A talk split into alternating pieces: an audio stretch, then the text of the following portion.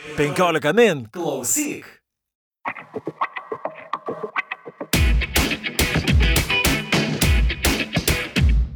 Kaip startuoliai keičia pasaulį? Kokius produktus ir paslaugas kuria lietuviški startuoliai ir kaip jie susiję su globaliomis tendencijomis? Sveiki, esu Lukas Keraitis ir čia podcastas pavadinimu Technotronika, kurioje kalbinu lietuviškus startuolius. Šiandien pasikalbėsime apie žalėją energiją bei lietuvišką startuolį, apjungiantį jos gamintojus. WePower, besivadinantis startuolis, kuria žaliosios energijos prekybos platformą. Šiuo metu šiame startuolėje jau dirba 12 žmonių, komanda dirba Australijoje, Bulgarijoje, Estijoje ir Lietuvoje. Nuotoliniu būdu, sakė, dirbti jiems nėra kažkas naujo ir nėra iššūkis. Jie praktiškai įgyvendina tai, apie ką kalba visas pasaulis turime greičiau ir drąsiau sukti žaliuoju keliu, mažinti oro taršą ir šiltnamio efektą sukeliančių dujų skleidimą, greičiau atsisveikinti su iškastiniu kūru. Smagu matyti tokiuose įdomiose srityse priešakinėse linijose dirbančius lietuvius. Šiandien labinosi su V-Power vadovu, beje, kalbamės nuotoliniu būdu, pasikalbėsime apie jų startuolį, jo sprendžiamą problemą bei energijos tokenizaciją, kad ir kas tai būtų, bei blockchain technologijų panaudojimą energetikoje. Aš visada noriu išgirsti kuo daugiau praktiškų blockchain panaudojimo pavyzdžių. Tai sveikinuosi su VPower vadovu Nikolai Martiniuk. Labas, Nikolai. Kaip girdi ir iš kur labinė su manim? A, sveikas, Lukai. Šiuo metu Lietuvoje. Lietuvoje. Mhm. Kaime ar, ar mieste? Kur... Ne, Vilniuje mieste. Aha. mieste. Tai kaip suprantu, virusas kažkaip ypatingai jūsų darbo kol kas dar nepaveikė. Mes, kad bendrovė nuo pat pradžios buvo tokia pasklydus po, po šalis. Mhm. Pačioj pradžioj dalis žmonių dirbo iš Lietuvos, dalis žmonių dirbo iš Estijos, kur pagrindė buvo mūsų visas developmentas. Ir vėliau, kada mes jau pradėjom veiklą Australijoje, tai automatiškai atsirado ir komanda Australijoje, kur pats verslas ir vyksta šiuo metu. Mhm. Ir e, jūs kuriat žaliosios energijos prekybos platformą. Tai gal gali papasakoti, kokią problemą sprendžiat? Aš turiu savo įsivaizdavimą, bet noriu mhm. suprasti geriau. Nu, kaip, kaip tokia platforma jinai yra sukurta uh, ir šiuo metu operuoja jinai Australijai. Uh, fokusas dabar labiau ant tų uh, produktų, kurie egzistuoja toje platformoje tobulinimų ir uh, Bet ką jūs iš esmės darot? Ar tai yra tai, kad e, žmonės turintys e, žaliosios ar atsinaujinančios energijos, beje, koks skiriasi žalioji ir atsinaujinanti energija? Jūs visur sakot žalioji, žalioji, žalioji. Aš galvoju, kad atsinaujinanti yra tas žodis, kurį turim naudoti. Tai koks skirtumas? Nu, pasaulio naudojimas yra tas ar tas. Tai nelabai yra didelio skirtumo. Atsinaujinantį galima įtraukti, um, traukia, galima ir šiukšlės prilygina kai kuriuose šalyse prie atsinaujinčių išteklių, nes nu, žmonės taršia tą viską galima surinkti, apdoroti ir, nu, aš noriu, bet žalę jau nelabai pavadinsi ją kaip tokią. Aha. E, ir ar aš teisingai suprantu, tai žmonės, gamyklos ar kas, kas nori, kas gamina tą žalę energiją, gali susijungti į tinklą, su, į bendrą tinklą per, per jūs, per jūsų pagalbą, kaip tai vyksta? Jo, gal aš truputį tą Aš tai jau tiksliau papasakosiu, ką mes iš tikrųjų darom. Platforma yra skirta tam, kad kompanijos iš vienos pusės pardavėjas, kas yra būsimasis gamintojas elektros žaliosios arba atsinaujinančios, arba jau esamas gamintojas, galėtų parduoti savo elektrą stambies, stambiems elektros vartotojams. Iš esmės tie, tie, kas šiandien dalyvauja pas mus, yra mūsų klientai, jie yra arba stambių vadinamų grid scale arba tinklo dydžio saulės vėjo hidroelektrinės ir iš kitos pusės stambus energijos vartotojai, tokie pavyzdžiui kaip anglikasiai arba gamyklos, kurios gamina maistą, nu, maistą, maisto pramonės, gėrimai ir taip toliau. Um, jie, to, kad jie yra pakankamai didelis vartotojas, jiems įdom, yra pakankamai įdomus pasiūlymas. Vienas dalykas, aišku, pereiti prie uh, žalios elektros, tie, kas um, fokusuojasi į tai ir nori uh, būti žaliais. O antras dalykas yra tas, kad iš tokių projektų, kurie yra naujai vystomi, dažnai galima elektrą nupirkti pakankamai gerom sąlygom kas ir skatina vienas dalykas, tos elektros pirkimai ir automatiškai elekt, naujų elektros projektų vystymą. Mhm. Ir kaip tai atrodo praktikoje? Ar tai įmanoma padaryti Lietuvoje, ar tai įmanoma tik tose šalyse, kur, kur dirba V-Power? Įsivaizduokim, na, yra gamykla, kuri nori pirkti tą žalėją energiją iš, iš hidroelektrinės. Kaip tai vyksta? Ar, ar jūs suteikiate ir infrastruktūrą, ar jūs turite tiesiog tą programinę įrangą, kuri leidžia atlikti tuos mainus? Kaip, kaip tai atrodo? Infrastruktūra, kurią mes suteikiam, yra e, kontraktinė infrastruktūra, infrastruktūra, kuri leidžia po to e, padaryti um, paskaičiavimus, kas, tiem, kas kam yra kiek skolingos elektros, aišku, ištikti sąskaitas už tai. Nes juk nėra taip, kad, juk nėra taip, kad jūs tiesėt laidus iš, iš tos gamyklos į tą elektrinę, ne. ar ne tiesiogiai? Ne, tikrai ne. Yra infrastruktūra, nu, nemažai šalių Lietuva irgi gali pasidžiaugti, pas mus elektrifikavimas yra labai geras ir tinklai egzistuoja daug kur, pralaidumai yra neblogi. Ir Lietuva nemažai ir atsinaujančių tiek, kiek galima jau yra išsivystę ir jie toliau vystosi. Aišku, tas, šal, tas sutartys tarp šalių galima sudaryti, problemos didelės nėra. Tai yra, kaip visada, teisininkų kaštai ir um, laiko kaštai. Mūsų darbas šitoje vietoje tą visą darbą supaprastinti, kad nereikėtų nieko daryti papildomai, galėtų matyti į pačią platformą, kaip pirkėjas užsiregistruoti ir visi, visi dokumentai, visko, ko reikia, kad tokia transakcija vyktų, viskas jau būtų tenais vietoje. Tai Lietuvoje galima tokią sutartį sudaryti, mes šiandien nesame Lietuvoje, nes nu, rinka tiesiog yra pakankamai maža šitam darbui ir todėl, kad egzistuoja Lietuvoje statinimas, kur valstybė skelbia aukcionus ir moka fiksuotą kainą, prasme, nerinkos sąlygom, tai nėra didelės prasmės šiandien dalyvauti. Šiandien skati, Lietuvoje fokusas yra, kur valstybė skatina naujus elektros gamybos šaltinius. Mhm. O kaip yra Australijoje? E, pavyzdžiui, kiek tokio žaliosios energijos pardavėjų ir, ir gamintojų jau yra jūsų platformoje, arba kiek energijos yra perdodama per, per metus, per dieną, kokie yra masteliai e, viso šito? Australijai yra grubiai dabar šiuo metu bent jau, um, pažiūrėsim, ar nepakis tas, tas grafikas, tikėkime, kad ne dėl uh, COVID viruso. Bet sudaroma sutarčių tokių panašių ant uh, 2 gigavatų per, per metus. 2 gigavatai per metus tai yra grubiai 4, uh, nu, truputį daugiau negu 4 um, elektrienų 9, 9 blokai per metus. Aha. Tai kaip suprantu, Australijoje. Ir, ir pastatom. Aha, Australijoje, kaip suprantu, jūs veikat aktyviausiai ir iš esmės jūs galima pavadinti uh, tokiais tarpininkais, ar ne? Iš to ir uždirbat. Uh, imat tarpinį mokestį. Jo, iš esmės taip. Tai yra tarpininkavimas uh, iš, iš tos pusės, kur um, galima palyginti paprasčiausia būtų taip, kaip įbėjus realiai. Yra, yra iš vienos pusės pasiūla uh, skirtingų projektų, skirtingų dydžių. Uh, saulės, vėjo, gali būti visokių kitokių.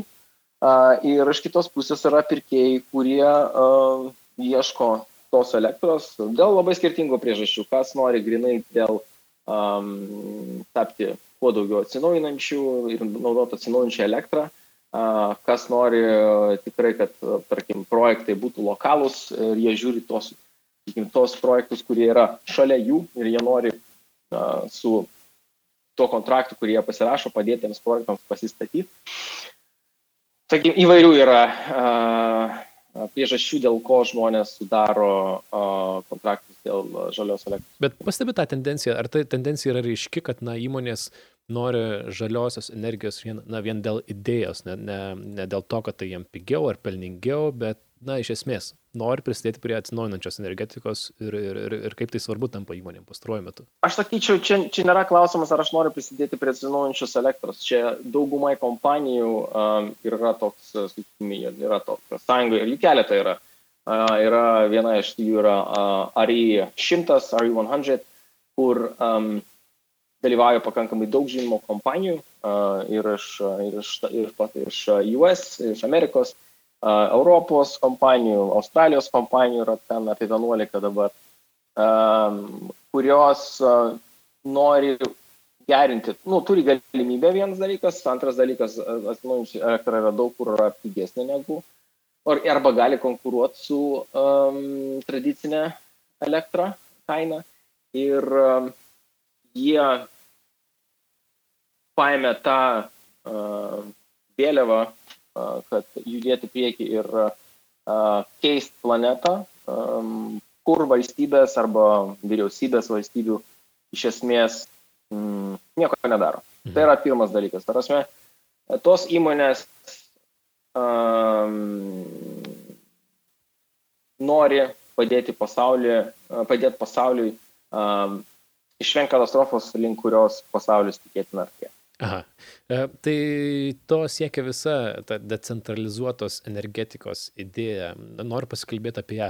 Decentralizuota energija. Šis, ar tai yra įmanoma? Pastaruoju metu apie tai kalbama nemažai. Man įdomu, na, kaip tai atrodytų realybėje, kaip tai galėtų atrodyti, kas nutiktų pasiekus decentralizuota energija ir ar tai realu. Kadangi man atrodo, kai mes kalbame apie tą elektrą, kai įsivaizduojame elektrą, kuri pasiekia mūsų namus, bent jau Lietuvoje, tai ir įsivaizduojam Ignalinos atominę elektrinę anksčiau ar, ar dar kelias hidroelektrinės, elektrėnus ir panašiai. O čia idėja, kad kiekvienas galim gamintis tos energijos šiek tiek, kurios nereikia, galim perduoti kitiems. Kaip tu manai, ar tai visgi futuristiškas toksai, futuristiška idėja, ar, ar mes link jos jau taip drąsiai einam? Aš sakyčiau, čia jokio futurizmo nėra, nes uh, net ir uh, pas mus Lietuvoje uh, daug, nu, kaip, nemaža dalis tos energijos, kurią Lietuva pati pasigamina, ateina iš atsinaujančių išteklių. Prasme, jinai jau yra decentralizuota dalinai. Yra nemažai uh, saulės elektrinių buvo pastatyta Lietuvoje, jeigu teisingai pamenu, buvo ten apie 80 ar 90 net megavatų pastatyta nemažai vėjo yra pastatyta, 500 MW pilnai, nu, išnaudotas ta kvota, kuri anksčiau buvo ir dabar jau dar daugiau statosi. Bet jei neklystu, vėjo energija Lietuvoje sudaro mažiau nei pusę procento visos energijos pagaminamos. Tai ar, ar tai ne, nuo, nuo suvartojamos, bet nuo mhm. pagaminamos ten jinai gali siekti net per pusę kart nuo karto, nes Aha. mes Lietu, Lietuva pakankamai mažai gamina savos elektros. Tai uh, ir dauguma elektros, elektros šaltinių uh, ne um, neatsinaujinančių, jie iš tikrųjų gali ir sunkiai konkuruoti su tais projektais atsinaujinčiais, kurie yra atsipirkę. Tai, mhm. um, Bet grįžtant prie decentralizuotos energijos, tai kokie, na, tiem žmonėm, kurie galbūt pirmą kartą girdė tokią idėją, tai kokie yra privalumai iš tos, iš tokios idėjos priimo prie to? Privalumas sistemos, pačios sistemos, jinai aišku, natūraliai sudėtingesnė negu bet kuri centralizuota sistema. Centralizuota sistema yra labai aiški, kaip anksčiau Lietuva turėjo, yra, tarkim, Visagino atominė elektrinė, yra daug, kiekvienam mieste yra šiluminės elektrinės, kurios pagamina labai stabiliai, gamina tą elektrą ir jeigu tu, tavo vartojimas šalyje arba, nu, šalyje iš esmės, nes tiek mastelė paimsim šalies, yra pakankamai pastovus, jisai ten sviruoja nuo, sakykim, ką žmonės veikia dienos metu, tarkim, dirba, taip, e, arba ryte, ryte atsikelia, gamina pusryčius arba gamina vakare vakarienę, tai va tas e, yra sviravimai to poreikio elektros, jie yra iš esmės daugmaž stabilus. Todėl centrinė sistema subalansuota yra labai paprasta. Vienas iš e, tų pagrindinių parametrų energetikoje balanso, kuris kur turi balansas, yra automatiškai mes mūsų pasaulis Europoje gyvenom 50 Hz dažniai, nu, kas variklis žino, tai supras, kas tai yra. Tai yra dažnis tam tinkamas 50 Hz, kur, kuriam, prie kurio pritaikyti iš esmės mūsų visi elektros renginiai. Tai um, jis ir turi būti išlikti toks pat. Tai vat, centrinė sistema subalansuoti labai paprasta ir tą palaikyti ir išlaikyti. O kada jinai yra decentralizuota, atsiranda iššūkiai, kaip juos spręsti. Australija yra unikali tom, tom kad tos problemos, apie kurias šneka, tarkim, Europoje, kad nu, at, sunku integruoti labai daug naujų atsinaujinčių išteklių į sistemą, tai Australija jau susidarė su, ta, su, tom, sakykime, su tais iššūkiais, nepavadinčiau tai problemą, nes tai yra iššūkiai, kurie net ir dabar yra paprastai sprendžiami. Yra klausimas, yra tik tai kainos. Tai tie sprendiniai kainos taip pat jau Australijoje kai kur yra išbandyti ir puikiai veikia, kas parodo pavyzdį, kad prie decentralizuotos sistemos pereiti įmanoma, galima, o kaštai galiausiai bus tokie patys kaip ir pačios centralizuotos sistemos, gal net pigiau. Mhm. Bet aišku, yra iššūkiai. Aha, ir ta, tie iššūkiai, kuriuos tu minė, tai iš esmės, kas, kas labiausiai apsunkina prieimą prie, to, prie, prieimą prie tos decentralizuotos sistemos? Na, sakai, Australija turi gerą pavyzdį. Kiek ten, kiek ten energijos pagamina tokie mažesni žaidėjai, alternatyviosios žalios energijos gamintojai? Australija iš tikrųjų yra lyderis uh, vienam žmogui uh, pastatytos, uh, pastatytų saulės elektrinių mhm. pasaulyje tai tikrai nemažai.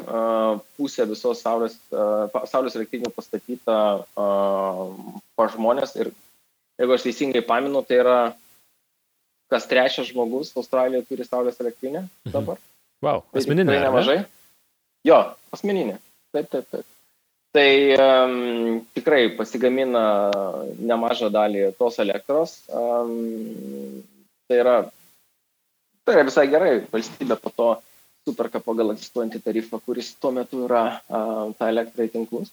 Aha, bet aš galvoju, kodėl mes dabar negyvename tokioje, na, pavyzdžiui, Lietuvoje ar kitoje šalyje, kodėl, ko reikia, kad pereitume į tokią sistemą? Ar tai yra technologinis iššūkis, ar visgi tiesiog šią akimirką tą energiją gaunam pakankamai pigiai ir nenorim keistis, nenorim kiekvienas pasistatyti kieme ar, ar kažkur bendrame name po saulės jėgainę, po vėjo jėgainę ir visi prisidėti prie tos gamybos? Kodėl, kodėl mes link to ne, nepajudam taip stipriai, kaip, kaip norėtųsi, uh, žiūrint iš tokio pasaulio, iš ekologijos, iš ekologijos taško? Nu, jeigu paprastai žiūrėti tą klausimą, tai nieks mūsų neverčia mokėti uh, taršos mokesčio mm. už, už pigią elektrą. Jis yra pigi šiandien dėl to, kad uh, nieks neima uh, taršos mokesčių ir iš esmės daro tai uh, pigiai elektrą subsidiją, todėl jinai yra pigi. Mm. Mhm. Jeigu vertinti, koks yra, kokia yra žala, ir čia yra vat, um, tas vadinasi International Panel on Climate Change, kurie daro tą vertinimą kas metą arba kas du metus, um, kur visi mokslininkai realiai vat, remiasi dėl klimato kaitos, kas vyksta pasaulyje uh, šitoje šitoj vietoje. Tai kaštai ten yra įvardinti, jie yra iš tikrųjų milžiniški, bet kad nieks jų ne, neprašo susimokėti, tai automatiškai ta elektra yra gaunasi teoriškai pigi. Mhm. O, o dabar bet. pažiūrėjus į tuos, na, vyksta pasaulyje visame tie judėjimai Vilniuje, Lietuvoje taip pat, žmonės atrodo, ypač jaunimas, nori sukti link alternatyvios, link žaliosios energijos, tos žaliosios idėja, idėjos tampa vis populiaresnės, tai kaip manai, ar čia tiesiog yra laiko klausimas, kada mm, atsiras kritinė masė tų žmonių, kurie pradės spausti politikus ir jie bus priversti priimti tas, tas, tas, tas, tas idėjas, na, jeigu tai bus. Ar kaip kitaip įmanoma paeiti, pasukti iš to keliu? Ar reikia mums dar kažkokių pigesnių technologijų, kad taip taptų labai labai paprasta? Na ir gerai, tuomet, kadangi tai paprasta, tai šito ir imsimės. Aš manau, kad čia, žinai, čia yra kaip bet kurioje technologijoje. Yra tie, kurie pradininkai labai anksti pradeda, yra tie, kurie, žinai, first moveriai, kurie jau vat, pirmys savo su, uh, išbando technologiją ant savęs ir bando tada jau tą skleisti kitiems. Tai mes, aišku, to nepasiekėm, kur jau um, didžioji dauguma judėtų link uh, technologijų, tų, um, sakykime, adaptacijos. Uh, Bet yra nemažai projektų, kur vat, daro skirtingos įmonės Lietuvoje, kur pastato tas elektrinės su skirtingais finansavimo modeliais, kur tu gali praktiškai vos ne be kažkokių labai didelių kaštų pirkti vis tiek tą žalę elektrą iš elektrinės, kurie arba tu žinai, kur jinai yra, arba pas tave ant pačių namų, plus yra ir paramos, kurios yra skirstomos tų elektrinių rengimui. Tai tikrai yra nemažai judėjimo, bet nu, tai nėra kol kas dar, sakykime, toks masinis pro produktas, uh, kur tu gali, tarkim, nusipirkti, bet tikėtina, kad toksai jisai bus ateiti ir uh, mes artėsim link to, kada netgi tie, kurie yra ne, vėluoja dažniausiai su technologijų adaptacijom, priims ar jas ar pasistatys. O su Vipaveriu jaučiatės, kad esat na, prieš akiją visų šitų idėjų ir technologijų? Ar, ar, ar jaučiatės, kad dirbat na, tokiam naujam srity, nauja srityje, naujam sektoriuje, ar visgi jau ir ten yra konkurencijos ir yra kas kiti, kuria tokias platformas kaip jūsų? Jos yra skirtingos, sakykime, energetika, nors gal ir atrodo, kad yra pakankamai paprasta iš tikrųjų. Todėl ir, sakykime, netgi galėčiau pasakyti, kad pakankamai mažai startuolių yra ir energetikos rinkoje, nes jinai yra pakankamai sudėtinga ir reikalauja nemažo, nemažo bagažo žinių tam, kad kažką ten daryti. Tai kompanijų, kurios kūrė skirtingas platformas, skirtingom problemom spręsti tikrai yra. Mūsų srityje irgi yra, aišku, konkurencija natūraliai. Mes bandom ir matom, kad mes galim tai išspręsti į kurios klausimus efektyviau ir sukurti daugiau vertės.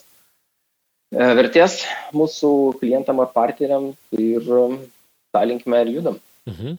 Ir jūs naudojat blockchain technologiją ir pasakyk taip atvirai man, ar, ar tas jūsų žetono išleidimas prieš keliarius metus, tai buvo toksai rinkodarinis triukas pritraukti pinigų ir pasinaudoti tą kripto kripto visam visu bumu, kuris tuo metu vyko, ar jis iš tikrųjų, ar ta blockchain technologija yra svarbi uh, jūsų platformoje, ar, ar negalima apsėti be jos. Ir jeigu jinai svarbi, tai kaip jinai panaudojama? Jo, tai mūsų platforma jinai yra iš tikrųjų svarbi, jinai yra, sudaro nu, nemažą dalį uh, pačios platformos. Tai mm, tie kontraktai, kurie yra išleidžiami, kada yra pasirašo, pasirašo kontraktą mm, virtualio erdvėje, pirkėjas ir pardavėjas. Tas laiko, laiko žymė eina į tą kontraktą elektroninį taip pat, kas yra, nu, galima pasakyti, tai yra žetonas, bet iš esmės tai yra, aišku, kodas, kodas ir platformoje, ir pačiam, pačiam blockchainė įrašas yra, kuris leidžia vėliau įgyvendinti vieną iš kontrakto funkcionalumų, kas yra kontrakto, kontrakto priekyba tarp šalių. Kontraktai yra standartizuoti ir tai reiškia, kad tai duoda galimybę, um, sakykime, tam tai kompanijai, kuri nusipirko kontraktą uh, arba dalį kontrakto, vėliau kažkada tai laikė restruktūrizuoto kontraktą, parduodant dalį savo uh, elektros kitiems pirkėjams, žaidėjams. Mhm. Tai ar, ar galim tai pasakyti taip, kad... Tas, integrali ja, dalis. Ar galim pasakyti, kad tas jūsų žetonai, tokenai uh, yra tam tikra, galima sakyti, vidinė jūsų platformos valiuta, kuri keliauja kartu su tą energiją, kuri na, apskaito tą energiją, ar, visas, ar taip veikia?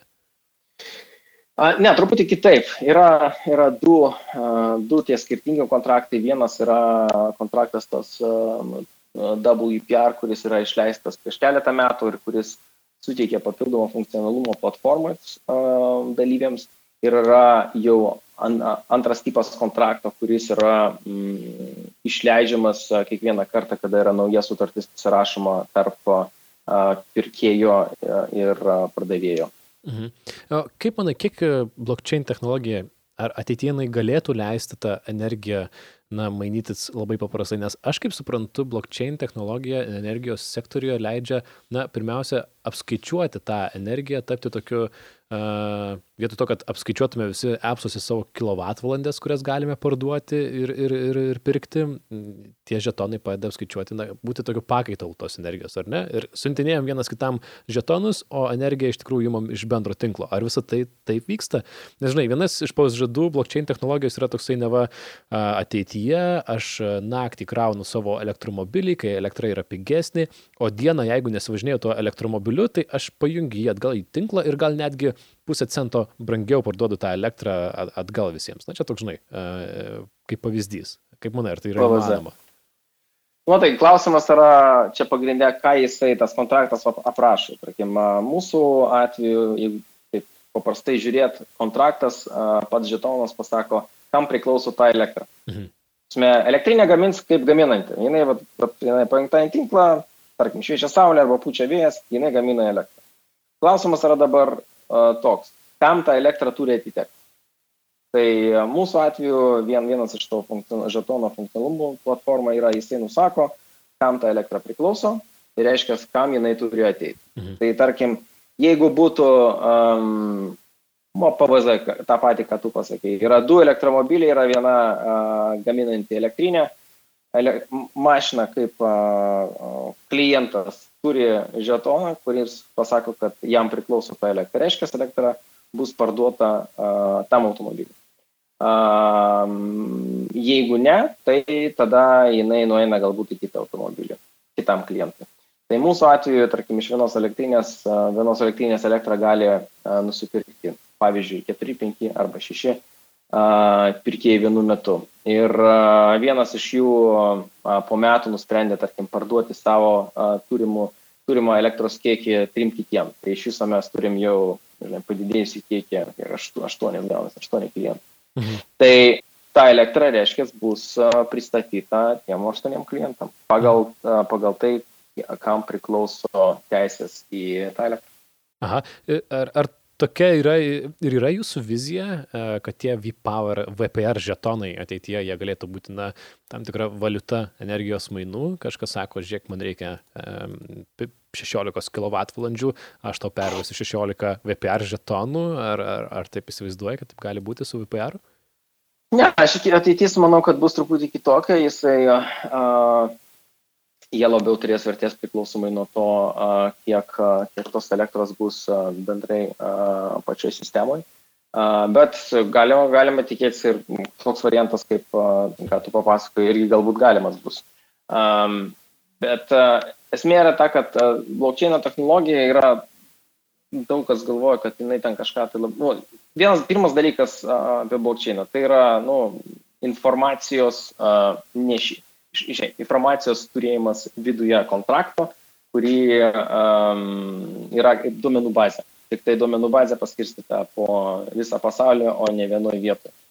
Tai um, pasirinkimas, um, ką tu naudoji nuo tavo būtent panaudojimo galutinio, labai stipriai priklauso, ką tu turėsi gale ir ką tu iš viso panaudosi, kokie kaštai bus. Tai tai nėra panacėja, tai nesprendžia. Žinai, mūsų akimis uh, ir mūsų atveju tai yra geriau negu uh, AWS naudot uh, uh, tam pačiam dalykui, bet klaudas irgi visko neišsprendžia. Mhm. Ir pats sakai, kad na, jaučiatės, kad esat vis tiek vieni iš pirmųjų savo srityje ir man atrodo, kad ateityje ta žalioji energija, turės tik tai daug daugiau reikšmės ir ta svarba auks ir, ir uh, poreikis tam auks. Tai kaip manai, Ar jūs dirbat negalvodami apie ateitį, kad ateityje ateis tas poreikis? Aš nesnei kalbinau, pavyzdžiui, vabžių augintojus, kurie augina vabžius valgymui. Mm. Jie visi sako, mes čia dabar žaidžiamės, bet po 10-5 metų tu sugrįž pas mus, tai pamatysi, mes čia su Ferrari's važiuosime. Oi, žinok, aš tai žinau vieną bendrovę, kuri žiogus augina Izraelį ir gamina baltymus iš to ir tai yra, nėra už 10 metų, tai yra dabar žiūri. Mhm. Reikalingas dalykas, tai yra baltymas. Bet e, visgi, kaip sakai, ta, šita idėja alternatyvios energijos, ar jinai jau, jau yra sproga, ar jau mes galim pasidžiaugti, kad va, kiek daug žmonių pastaruoju metu domisi tuo ir, ir, ir tam sudomėjimas yra, ar tai tik tai dar ateina, tai tik tai ta tendencija, kuri, na, išauks po kelių metų. Kaip tai bus, kaip pats manai? Ne, tai, tai, tai jau nėra tas, kas ateina, tai jau yra atėję. Aš šiandien tos žalios elektro, atsinaujančios e, elektros negalėčiau pavadinti ateities kažkokią elektrą, ne dabarties elektrą ir daug kur jinai yra stipriai pigesnė negu tradicinė elektra. Netgi, kur čia buvo paskutinis, Katarė, man atrodo, buvo paskutinis iš paskutinių aukcionų, kur buvo kaina po pusantro cento. Mhm. Jo, 2,5 cento buvo kaina. Tai yra labai labai pigu. Mhm kiti tradiciniai energijos šaltiniai nelabai galėtų ir konkuruoti tą kainą. Tai daug kur jinai yra jau nebe uh, alternatyvioji, bet jau yra daug kur yra ir tradicinė tam. Aha. Ir kiek pats matai prasmės šitam, šitam savo darbe? Bet to, kad čia yra na, puikia verslo galimybė, e, greičiausiai galbūt didel, didelė verslo galimybė ir tikiuosi sėkmingas startuolis, kaip pačiam tau, kiek artimos tau yra pačiam tos žaliosios idėjos ir kiek pats jautiesi na, prie, prisidėdamas prie decentralizuotos energetikos, prisidėdamas prie pasaulio gelbėjimo. Ar, ar manai, kad tai yra na, atsakymas į, į, į, į mūsų ekologiją, su ekologija susijusius klausimus, ar tai tik tai na, smulki jo, jo detalė? Aš sakyčiau, dalinis, tarsi kiekvienas gali prisidėti prie to darbo, kaip jis gali. Mes, aš ir komanda, galim prisidėti būtent per šitą prizmę, kad padaryti taip, kad kuo daugiau atsinaujančių išteklių pasistatytų pasaulyje. Ir link to mes einam. Kiti galbūt gali prisidėti prie kitų dalykų man asmeniškai atsinaujinti elektrą nėra kažkas naujo. Čia, nu, startuolis irgi susijęs su atsinaujinčia, bet ir prieš tai Lietuvoje. Aš dirbau labai daug su um, atsinaujinčia energetika, uh, to įmoniai, modus grupiai, kur uh, nemažai pas, pastatė ir uh, irgi prisidėjo prie tos uh, atsinaujinčios elektros vystimo Lietuvoje. Tai um, aš tikrai tikiu, kad uh, mes tą galim padaryti, norėčiau, kad tai tas gyvenimas būtų greitesnis ir daugiau statytųsi atsinaujančios energijos elektrinių aplink pasaulį ir mes galėtume, nu, bent jau iš šitos pusės, iš elektros, elektrifikavimo, ypač žinant, kad automobilių poreikis irgi ateis ir tos elektros reikės ir tikrai turėtų būti atsinaujinti elektrą. Bet skambi, tai... skambi pakankamai pozityviai, šiaip mano dauguma pašnekovų kol kas įvairių startuolių vadovai technotronikoje kol kas buvo pakankamai, pakankamai pesimistiški ir e, kalbant apie visokius distopinius pasaulio scenarius, jie kažkaip linksėdavo ir kartais pritardavo, kad taip ir bus. O kaip pats manai, ar, ar mes darom pakankamai E, šiuo, šiuo atveju, su, e, kas yra susijęs su tvaria energija, su ekologiniais klausimais. Ar mes jau pasukom gerą linkmę ir esam aware of the situation, ar, ar visgi mes darom nepakankamai? Man įdomu, kad tavęs paklausti dar ir dėl to, kad pastaruoju metu e, tai, ką anksčiau darė politikai ir valstybės, na, spręsdavo globalius klausimus, pastaruoju metu tai vis dažniau daro privatus verslai ir vis dažniau žmonės sukasi juos ir sako, ei, galbūt jūs galite išspręsti šitą problemą, kurią mes turim. Jo, aš sakyčiau, valstybės, nu, valstybės turi savo visada, valstybė organizavimas turi savo problemą, čia yra skirtingi klausimai, skirtingas klausimas, manau, bet daug kur valstybės um, nesugeba priimti sprendimų dėl skirtingų politinių klausimų. Um, nu, tai yra natūralu demokratijai, tai yra vienas iš, galima sakyti, demokratijos neefektyvumų. bet jis egzistuoja. Uh, jo, nu, yra laisvė, bet yra ir kainos štai. Tai viskas yra labai gerai su tuo. Bet žmonės, ta pati demokratija leidžia mums ir daryti tos sprendimus patiems, nežiūrėt, ką valstybė daro. Tai daug, kas gali, tą ir daro. Įmonės kaip, tarkim, Apple, Google, tos visos korporacijos, kai kurios arba jau 100 procentų apsirūpina žalia elektra patys. Ir ne tai, kad vien sertifikatos nuperka, bet realiai apsirūpina kai kurios yra juda link to ir prisideda prie, prie naujų, naujos energetikos vystimosi visur pasaulyje. Tai žmonės tikrai gali daryti daug ką patys, kad žmonės daro per mažai, tai tikrai taip, galėtų daryti daugiau bet dažnai ir nežino, kad vienas ar kitas būdas egzistuoja, kaip jiems patiems prisidėti.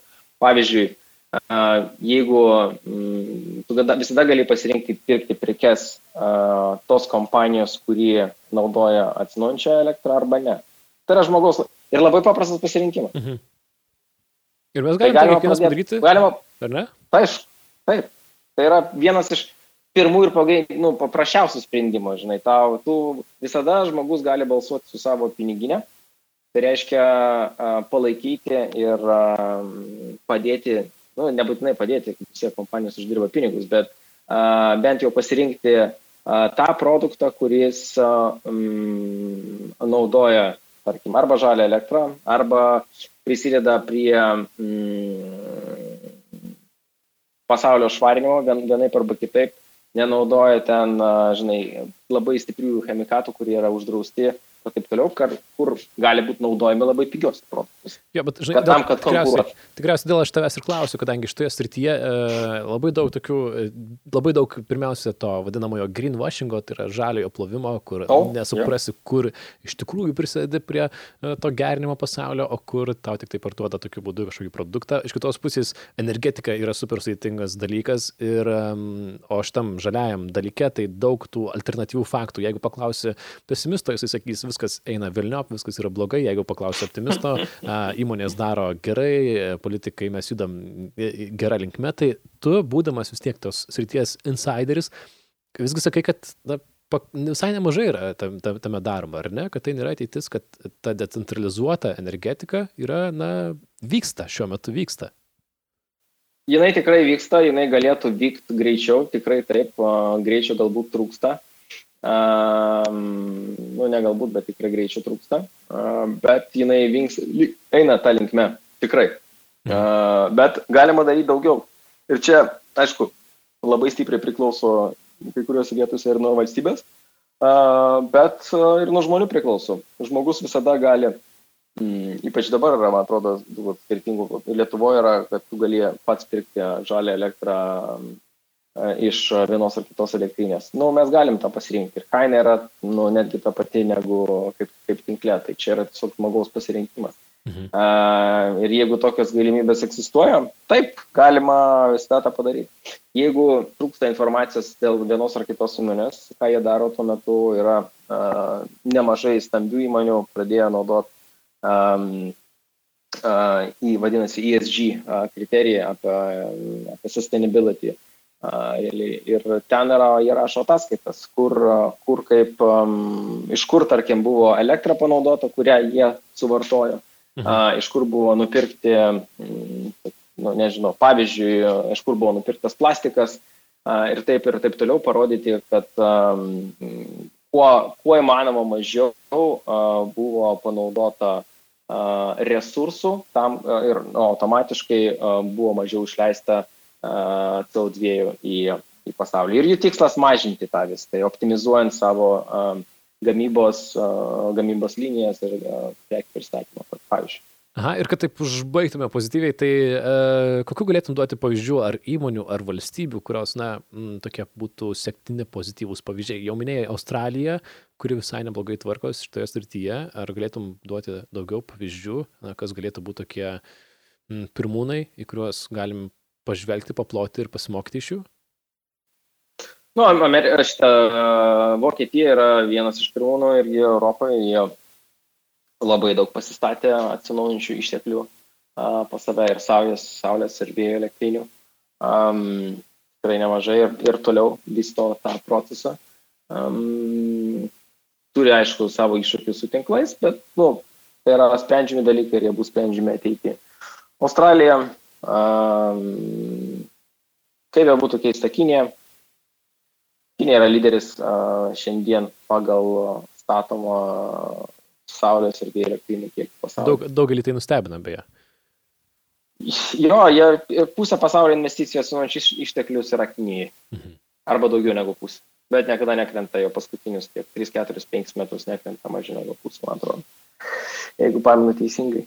Um, štatuose nemažai pastatyta energetikų, naujų atsinaujančių išteklių, nors uh, Trumpas yra kai kur ne už juos. Brazilija nemažai yra padariusi, Meksika dabar daro. Tai yra tikrai tų šalių Europo irgi pakankamai neblogai. Aha, bet paminėjai investicijas ir visai noriu,ėdamas užbaigti, noriu paklausti, dabar vyksta koronavirusas ir uh, E, jį sekanti tokia ekonominė mažų mažiausiai stagnacija. Kaip manai, kaip, kaip, kaip paveiks jūs e, šitą situaciją? Ar nebus taip, kad e, įmonės valstybės taupydamos nusisuks nuo tų žaliųjų šaltinių, grįž prie, prie to, ką geriau supranta, ką geriau žino ir galbūt kažko pigesnio? Kaip pats manai, ko to reiktų palinkėti šitoje situacijoje? Jo, nu mes tikimės, aišku, kad nu, vis tiek tikrai palies. Tarsi, čia nemanau, kad e, yra labai didelių vers, nu, verslų, kurios nepaliečia. Ir aišku, kai, kai kurių, kurios palėtė visai neblogai. Uh, bet um, tikrai palies. Aš manau, kad um, ir aš tikiuosi, kad tas, uh, tas darbas, kurį uh, daro uh, samoningai uh, stambios kompanijos pirkdamos atsinaujančią žalę elektrą iš, iš gamintojų tiesiai, tiesiogiai eis toliau. Investicijos tikrai kris kai kuriuose šalyse, kurios nu, dėl vienų ar kitų priežasčių ekonominė situacija bus prastesnė. Bet vėlgi, tai aš manau, kad atsigaus tą rinką ir jeigu žiūrint į praeitą krizę, tada buvo, tai atsinau, vis tiek atsinaujantis statomi ir bus statomi. Elektros vartojimas nesikeičia, jisai auga. Būna mažesnis vartojimas tuo metu, kai gamyklos uždaromos, bet ta krizė dalinai praeina ir mes esam labai nemaži elektros vartotojai. Mhm. Tai palinkėti reikėtų tau ko šią akimirką ir V-Poweriui? Taip, kad um, žmonės priiminėtų uh, sprendimą, jeigu gali, uh, pirkti elektrą žalę, kuri prisideda prie, uh, prie mūsų geresnio pasaulio. Ir man atrodo, daugelis dabar sėdim namuose, tai puikiai proga pasidomėti, kaip tai atrodo, kaip tai galim kiekvienas padaryti. Aš pats apie tai tiesą pasakius, anksčiau nebuvau pagalvojęs, visi žinom apie rušiavimą ir panašius dalykus, bet pirkti alternatyvę žalėją energiją. Kodėl ne? Tai ačiū tau, Nikolai, ačiū visiems besiklausantiems Technotronikos. Šiandien kalbinau žaliosios energijos prekybos platformą, kuriančio startuolio V-Power vadovą Nikolai Martiniuk. Linkėjimai tau, Nikolai, sėkmės, nesusirk ir iki. Labai malonu, visą gerą.